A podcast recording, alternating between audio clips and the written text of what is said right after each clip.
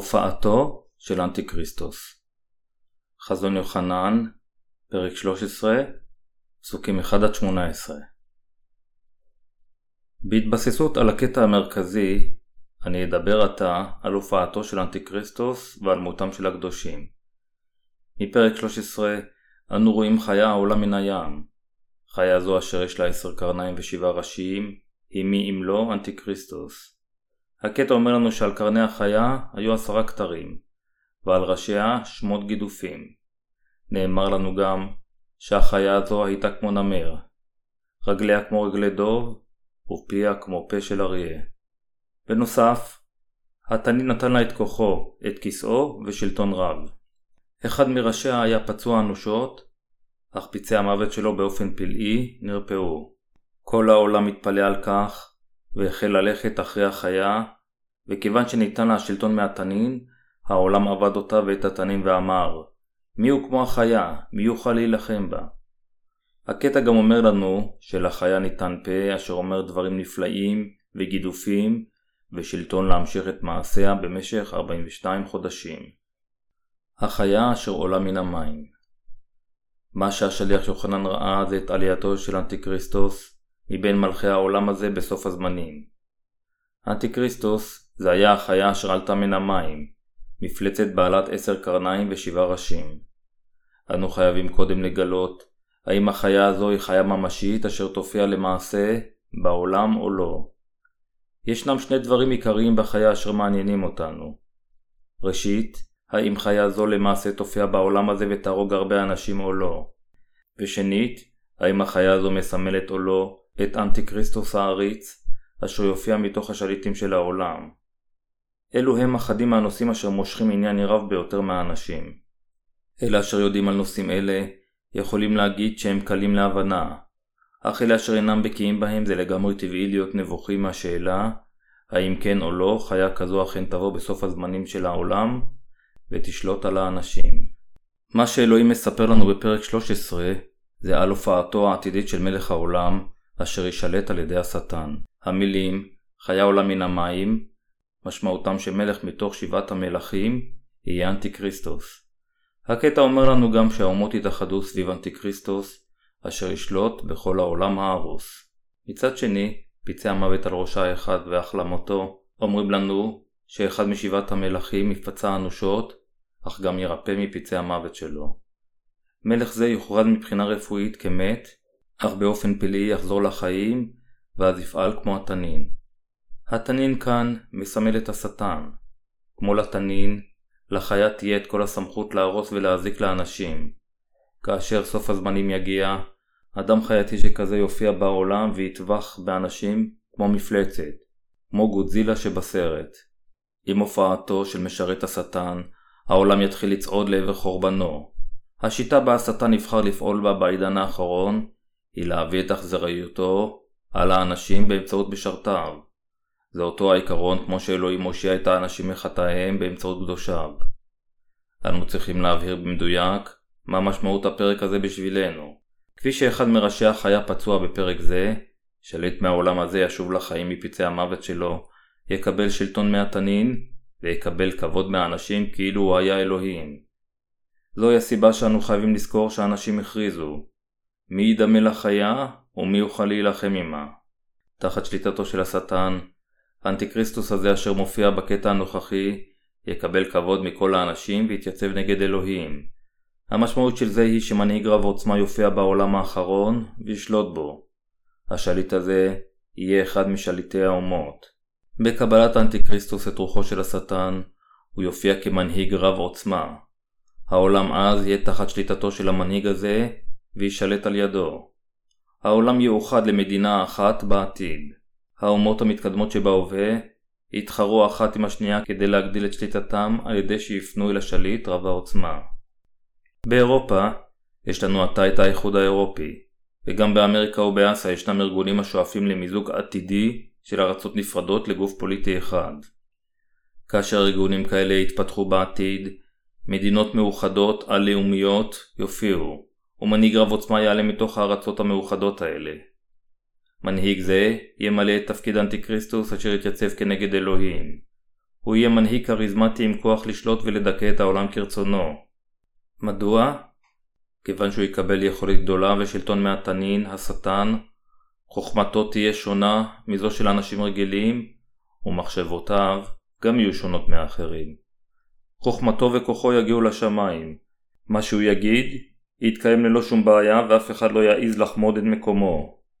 תקופה זו של מלכותו היא תקופת הסוס הירקרק, אשר כתובה בחזון יוחנן, פרק 6. תקופת הסוס הירקרק תגיע ללא ספק בעתיד הקרוב, והעולם יהיה שייך לאנטיקריסטוס במשך זמן מה. אך אלה אשר לא יודעים את האמת הזו, רוצים למעשה לראות מנהיג רב עוצמה כמו אנטיקריסטוס אשר יופיע. הקדושים, בכל אופן, יודעים את האמת, והתעוררו בתקופה ההיא, וכך כאשר הזמן יגיע, הם יהיו מסוגלים להתנגד ולהילחם נגד אנטיקריסטוס, ולמות בשמירה על אמונתם. הן הרבה אנשים בימים אלה אשר מכבדים את המנהיגים של מדינתם. בלי קשר באיזה מדינה הם חיים, לאנשים בדרך כלל יש אי שביעות רצון מהמנהיגים הפוליטיים של ארצם. אנשים בכל רחבי העולם מצפים למנהיג חזק או בעל יכולות. מדוע? כיוון שהם רוצים מנהיג אשר יוכל לפתור את כל הבעיות אשר הולכות וגוברות בעולם, ממחסור במזון ועד שפל סביבתי, בעיות דת, חוסר פעילות כלכלית, מתחים בין גזעיים וכן הלאה. כאשר מנהיג עולם יהיה חמוש בחוכמה גדולה ובכוח, יהיה מסוגל לפתור את כל הבעיות, כולם בעולם יכבדו אותו כמו אלוהים, ויהיו שמחים להיות נתיניו. מנהיג זה, אנטי-כריסטוס, אשר כל העולם יהיה בידיו, יטפל בכל. כולנו רוצים מנהיג פוליטי אשר נוכל לכבדו בכל התחומים, אך משאלה כזו היא יותר מדי גדולה מכדי להתקיים, כיוון שמנהיג מסוג זה לא יכול לקום ולהתקיים במציאות. אך כיוון שהאנטי-כריסטוס שיבוא יפתור את כל הבעיות הפוליטיות והכלכליות של העולם, הוא יהפוך לסוג כזה של מנהיג אשר כולם ישתוקקו לו, האחד אשר יוכל להביא יציבות פוליטית וכלכלית לעולם. כאשר תקופת הסוס השחור תעבור ותתחיל תקופת הסוס הירקרק, בגלל המכות של שבעת השופרות, העולם ההרוס יחפש מנהיג חזק או בעל יכולות. מנהיגים חסרי אונים ומדינות קטנות אינן יכולות לפתור בעיות גלובליות. לפיכך, אנשים יחפשו שליט אבסולוטי. אנטיקריסטוס יופיע בזמן ההוא, ידבר ויפעל כמו אלוהים.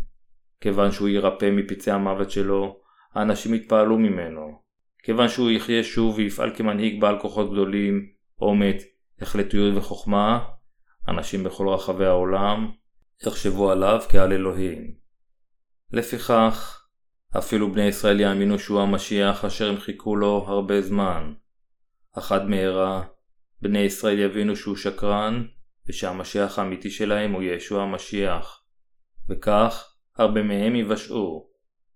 אנטיקריסטוס ישמע את האנשים אומרים, מי יוכל להילחם איתה? לכן כל מי שלא יצייתו לו, יהרגו. כאשר תגיע תקופת הסוס הירקרק, כל העולם לא רק שיסבול רבות ממכות הטבע וייהרס על ידי האש, אשר תשרוף שליש מיערותיו, ויחנק על ידי עשן סמיך, אלא אנשי העולם יתאחדו תחת שליט אחד, וישרתו אותו כמלך. האדם אשר יפתור את כל הבעיות האלה, ירומם על ידם כאלוהים. אך כל הדברים האלה כלולים במה שאלוהים תכנן.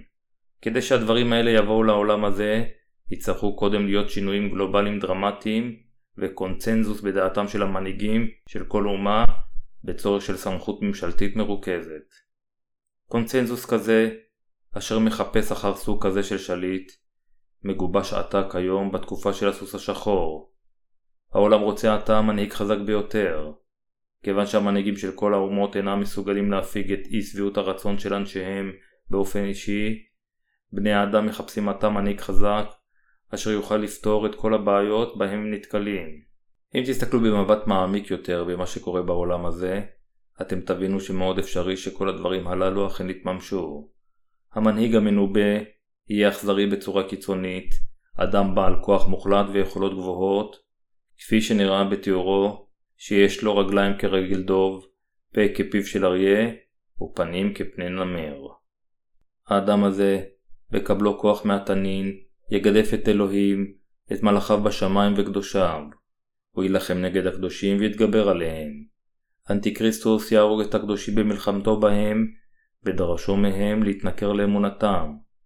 כיוון שהקדושים לא יוותרו על אמונתם בזמן ההוא, הם ימותו מות קדושים. וכיוון שלאנטיקריסטוס תהיה השליטה על כל העולם, הוא יהרוס ויהרוג באופן חופשי את כל אלה, אשר לא יישמעו לפקודותיו. פרק 8 אומר לנו, וישתחוו לה כל יושבי הארץ אשר לא נכתבו שמותם בספר החיים, אשר לשא תבוח, ביום יווסת תבל.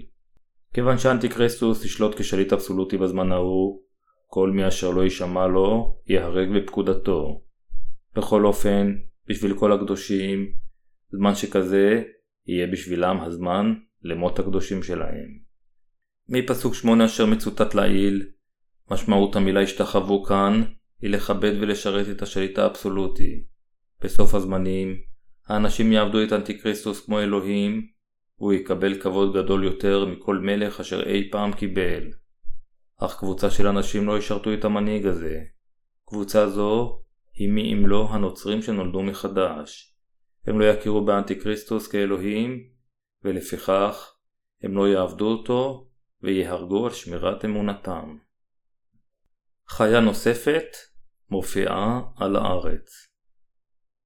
לאנטיקריסטוס יהיה את נביא השקר שלו. נביא השקר הזה הוא האחד אשר ירומם את אנטיקריסטוס ואשר יהרוג ויסכן את אלה אשר לא יצייתו לחיה. פסוק 11 אומר וירא חיה אחרת עולה מן האדמה ולה קרניים כקרני שה ומדברת כתנין. החיה השנייה המופיעה כאן היא המשרת של החיה הראשונה, כלומר של אנטיקריסטוס. כמו אנטיקריסטוס, גם הוא יתייצב נגד אלוהים ויהרוג את אנשי העולם ואת הצדיקים. בקבלו שלטון מהתנין, הוא יעודד את האנשים אשר יבואו לפניו לעבוד את אנטיקריסטוס כאלוהים.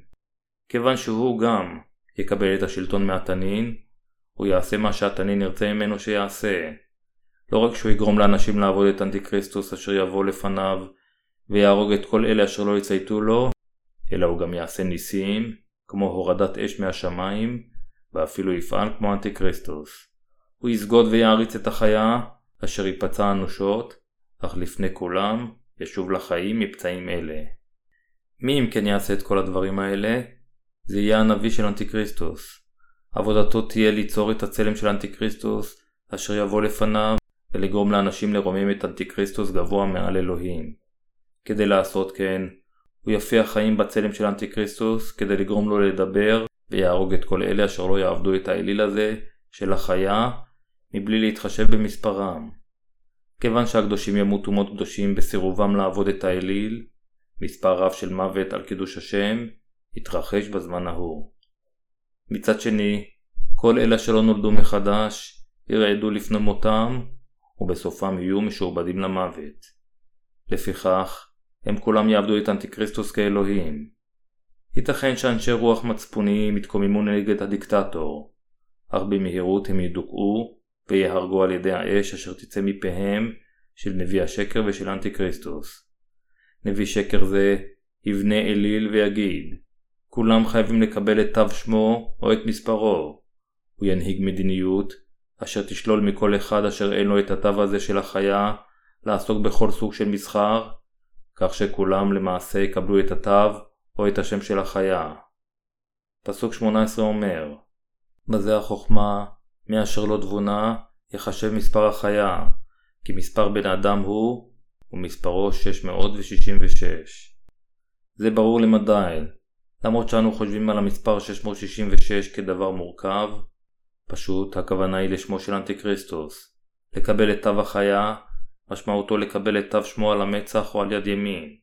כדי להטביע את חותם שמו בגופם של האנשים, הוא יהפוך אותו למספר ברקוד דיגיטלי. תו זה יהיה נחוץ בכל מקום ובכל פעם שמישהו ינסה לקנות משהו. אפילו כאשר תעלו לאוטובוס, תצטרכו את המספר הדיגיטלי הזה המוטבע בגופכם, ובלעדיו תהיו מוגבלים. העידן של היום הוא עידן מאוד דיגיטלי. זוהי תקופה של מספרים. כיוון שכל דבר מתורגם למספרים, מה שהיה פעם מאוד מסובך, נהפך עתה לפשוט ביותר. בעידן כזה, יופיע התו הזה של החיה. אנטיקריסטוס יעשה מעצמו אליל, וידרוש שבני האדם יעבדו אותו כמו אלוהים.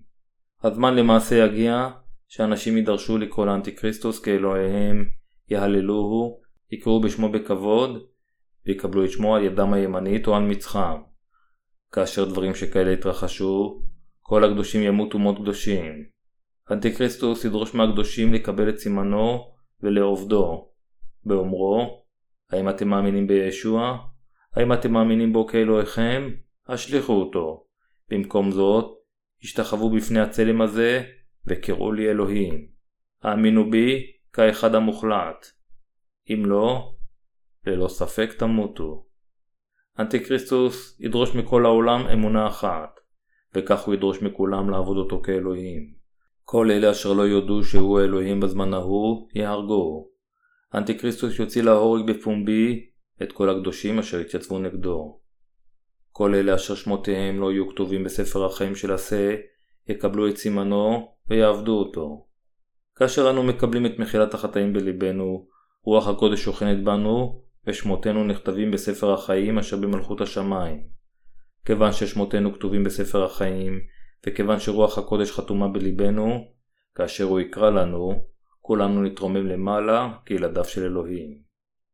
האם אי פעם נוכל לנטוש את ישוע המשיח אשר הושיע אותנו, ונצהיר שצלם החיה הוא אתה אלוהינו ומושיענו? כמובן שלא. לא משנה עד כמה לפני כן היינו לפניו עם חסרונות, אדוננו בא אל האדמה הזו בגוף אדם, ניקה את כל חטאינו על ידי שלקח אותם על עצמו עם טבילתו, והושיע אותנו, כשנשפט באופן ייצוגי בשבילנו על הצלב. גם, מכיוון שאדוננו סיפר לנו כבר על כל הדברים האלה אשר יבואו מראש, אנו הקדושים, לעולם לא נוכל לבגוד באמונתנו במשך התקופה הזו של אנטיקריסטוס. למרות שזמן הצרה יגיע, ולאחרי מותנו, אנו עדיין מאמינים שאדוננו יגרום לנו לחיות במלכות השמיים שלו, על ידי שיקים אותנו לתחייה, בזמן קצר אחרי מות הקדושים שלנו, ייקח אותנו. מכיוון שאנו מאמינים שלאחר הלקיחה שלנו, אלוהים יחריב את העולם הזה, ושופכו את מכותיו של שבע הקערות על הארץ, ושלאחר מכן אנו נרד אל הארץ ונשלוט בה במשך אלף שנים, לעולם לא נוכל לכאורה בערך לפני האליל. זוהי הסיבה לכך שהקדושים ומשרתי האלוהים ייתנו באהבה את חייהם. נביא השקר ינסה אז לשכנע אותנו באופן אחר. הוא ינסה לשחד אותנו באומרו, הסתכלו, כאוס משתולל בעולם כרגע. כאשר כולם, כולל כל האינטלקטואלים והמלומדים, מאמינים והולכים אחר מנהיגנו העליון כאלוהים, כיצד יכולים אתם עדיין לסרב להאמין במלך המוחלט הזה שלנו? אך אם נדע ונאמין תמיד בדבר האל, אנו ננצח לבסוף, ויחבקנו את מות הקדושים שלנו. בחזון יוחנן פרק 14 מופיעים 144 אלף קדושים אשר מהללים את אלוהים בשמיים. זה מראה לנו על תחיית המתים של הקדושים ולקיחתם לאחר מות הקדושים שלהם. במקומות אחרים בתנ"ך, כמו במקום שפאולוס אמר לנו על ביאתו השנייה של המשיח, או במקומות בו משרתי האלוהים האחרים העידו בברית הישנה, אנו יכולים למצוא את הלקיחה, אשר באמצעותה הקדושים יתרוממו לרקיע, והצטרפו לסעודת הכלולות של השה. לסעודת הכלולות הזו, הקדושים ייכנסו. כאשר הקדושים ייכנסו כך לסעודת הכלולות של השה בשמיים, המכות של שבע הקערות יישפכו על האדמה ויחריבו אותה לגמרי. לאחר מכן, הארץ תתחדש, והקדושים ירדו אליה עם ישוע, וישלטו בממלכתו של המשיח במשך אלף השנים הבאות. כאשר אנו יודעים את כל העובדות האלה, האם אנו יכולים באמת לקרוא לאנטיקריסטוס כאלוהים, אפילו אם ייתן לנו את כל סוגי הפיוס והפיתויים כדי לגרום לנו להשתחוות לצלמו, לעבדו כאלוהים, ולנטוש את אמונתנו באלוהים האמיתיים? כמובן שלא. כפי שכתוב בתנ"ך, כי האמונה היא חוסר הביטחון, והמקווה והוכחת דברים לא נראים. אל העבריים, פרק 11, פסוק 1. הנביאים האמינו במה שאלוהים אמר להם מראש על הדברים שיבואו. משרתי ואנשי האלוהים אשר מאמינים בכתוב, הינם כולם כהנים ונביאים. בגרימתו לנו ללמד את בשורת מחילת החטאים לכולם ברחבי העולם, אלוהים מוביל הרבה נשמות לקבל את מחילת חטאיהם. כפי שישוע הושיע אותנו בלי להתחשב עד כמה לא מושלמים היינו לפניו, אלוהים עשה אותנו לאנשיו, ועד רגע זה ממש הוא אהב אותנו, הדריך אותנו, וברך אותנו באופן בלתי משתנה. ישוע לא רק נתן לנו את השלווה ברוחנו, אלא הוא גם גרם לנו לתלות את תקוותנו במלכות השמיים, ונתינתו לנו את רוח הקודש.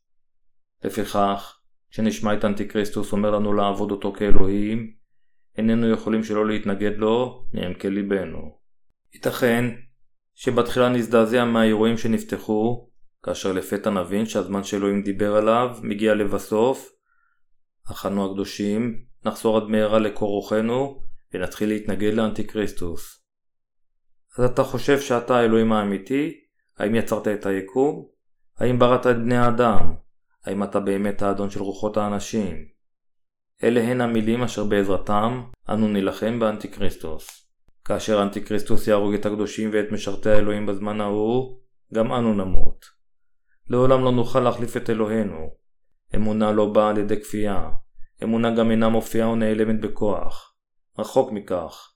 לאמונה האמיתית למעשה, יש כוח גדול יותר להתגבר על הכפייה.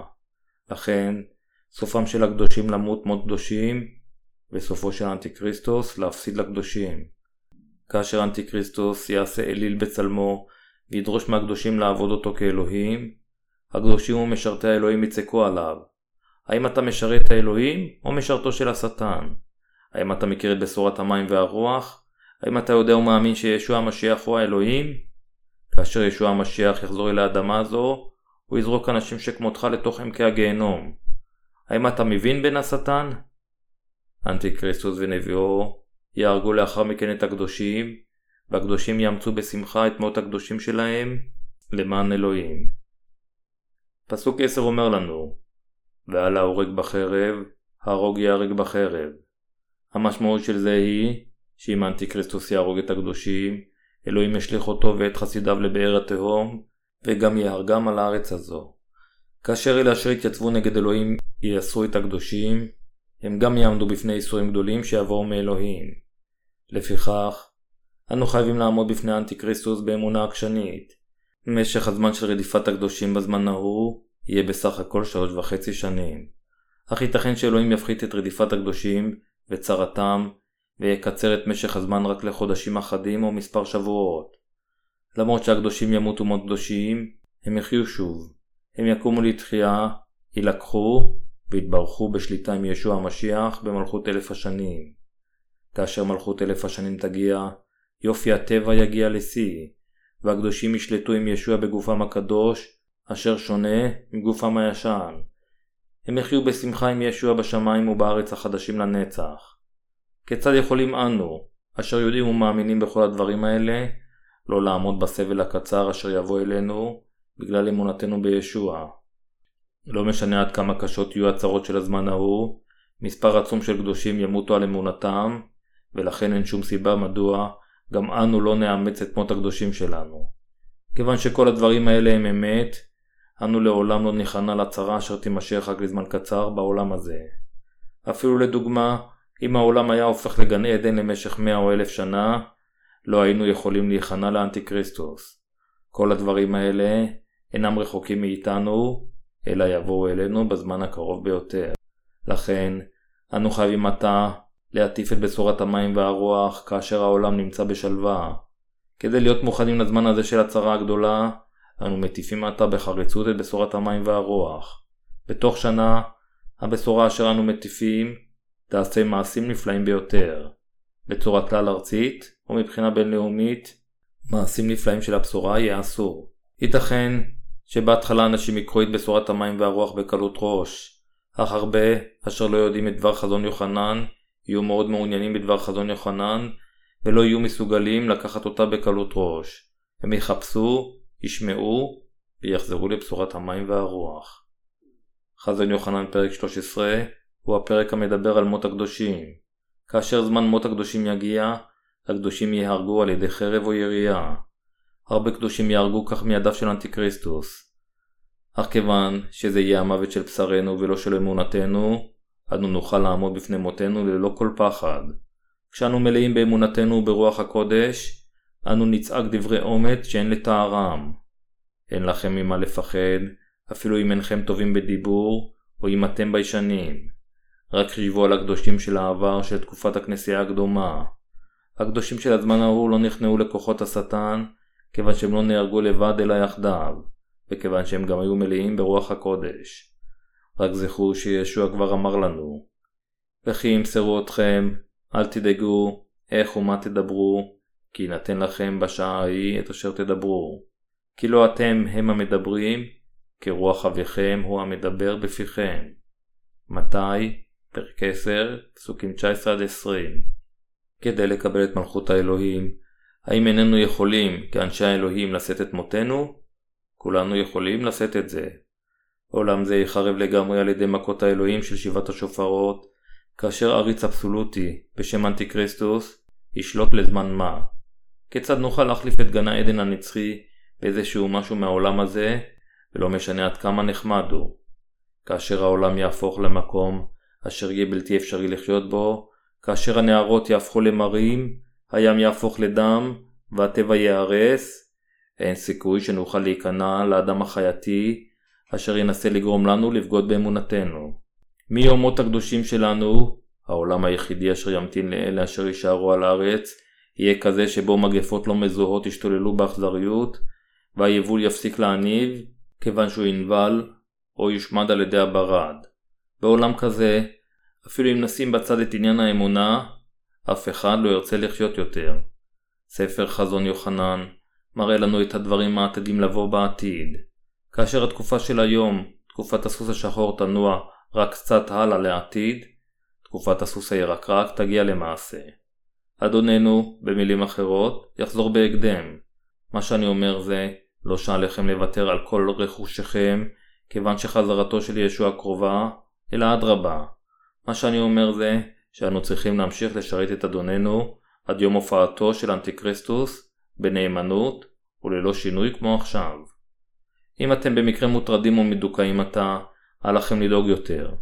כאשר אתם ואני נבין שאנו עומדים למות מות קדושים, ליבנו יהפוך לשלב ורגוע. כיוון שאנו עומדים למות מות קדושים, במילים אחרות, איזו אהבת בצע תישאר בנו. אם תישאר בנו איזושהי השתוקקות, היא תהיה להשמיע את הבשורה הזו לכולם ברחבי העולם, כך שהרבה קדושים יקומו בסוף הזמנים, יבשעו, וימותו מות קדושים באמונתם בבשורה, ועל ידי כך יקבלו את השמיים והארץ החדשים. אני מקווה גם שכל הקדושים יהפכו את מלכות המשיח הזו לשלהם, עם אמונתם, כשהם ניזונים מהאמת הזו, וכך בחפץ לב יעברו את כל הדברים אשר מחכים להם בזמן של אנטי-כריסטוס. אלוהים נתן לנו את ברכתו של מות הקדושים. לא כל אחד יכול למות מות קדושים, ולא כל אחד יכול לחיות בשביל ישוע.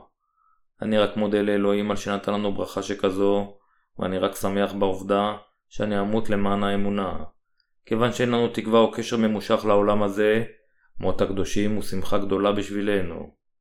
כל מה שעלינו לעשות, זה לקוות למלכות אלף השנים ולגן עדן אשר אלוהים הכין בשבילנו, לחיות את חיינו בייחוד מאמצינו, להטיף את הבשורה ברחבי העולם עד יום חזרתו של ישוע, לקבל אותו בשמחה כאשר הוא יבוא, ולהיות במקום אשר קיווינו לו.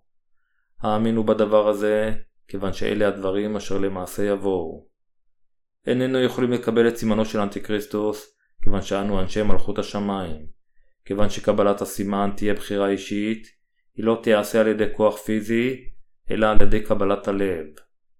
אפילו ילדינו, אם הבשורה תימצא בליבם, יאמצו את מות הקדושים שלהם אף יותר באומץ מהמבוגרים, כיוון שגם בהם תשכון רוח הקודש. כפי שהמבוגרים יתוודו שישוע הוא מושיעם, אם רוח הקודש תימצא בליבם של הילדים, גם הם ללא ספק יתוודו שישוע הוא מושיעם ואלוהיהם. התנ"ך אומר לנו לא לחשוב על מה להגיד כאשר נסחב לפני אנטיקריסטוס, מפני שרוח הקודש תמלא אותנו עם המילים, כך שנוכל לדבר אותן.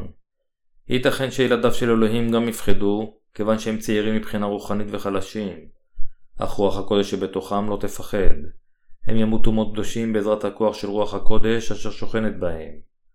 כיוון שגם הם שייכים לאלוהים, הוא יקבל את נשמותיהם, יאפשר לגופם להיהרג, וגם יגמול, באפשרו להם לשלוט בעולם טוב יותר. אלוהים ימלא את ליבם של אלה אשר נולדו מחדש מהמים והרוח, עם דבריו, כדי שיגידו אותם. כיוון שרק הנשמות אשר נבחרו, ואשר התקבלו על ידי אלוהים יכולות למות מות קדושים, אלוהים אינו יכול שלא להכין את אמונתם למען שמו. רק על ידי העובדה שרוח הקודש שוכנת בליבנו, כיוון שהאמנו בבשורת המים והרוח, כולנו נקבל כגמול את מלכות אלף השנים, ואת התהילה של השמיים והארץ החדשים. בסוף הזמנים כולנו נתנשא בהתמלאותה של רוח הקודש בליבנו. כיוון שגורלנו הוא למות מות קדושים, כאשר נמות מות קדושים שכזה, בהתאם לתוכניתו של אלוהים, אנו כולנו נמות כאשר אנו משבחים, עובדים ומהללים אותו בנוכחותו. כיוון שאנו מאמינים באלוהים, אנו הולכים אחריו רק באמונתנו, אשר צועקת אמן. כיוון שאנו יודעים שאנו עומדים למות מות קדושים, תאוות הבצע של הבשר באופן טבעי מוסרת מאיתנו, ונשמתנו הופכות למאות טהורות. למות מות קדושים, שזהו רצונו של אלוהים מאיתנו, זה לקבל ברכה גדולה ולהיות מהוללים מאוד. כיוון שלקדושים יש את התקווה לשכון לנצח בשמיים ובארץ החדשים, הם יילחמו נגד אנטיקריסטוס, ועד לסוף ישמרו על בשורת המים והרוח אשר בליבם. בזמן ההוא של הצרה הגדולה, כל הקדושים, בהכירם בישוע המשיח כאלוהיהם, ובהאמינם בישועתם המושלמת אשר ניתנה על ידו, יאמצו את מות הקדושים שלהם לפני אלוהים. אני מודה לאלוהים, אשר נתן את הברכה הזו של מות קדושים.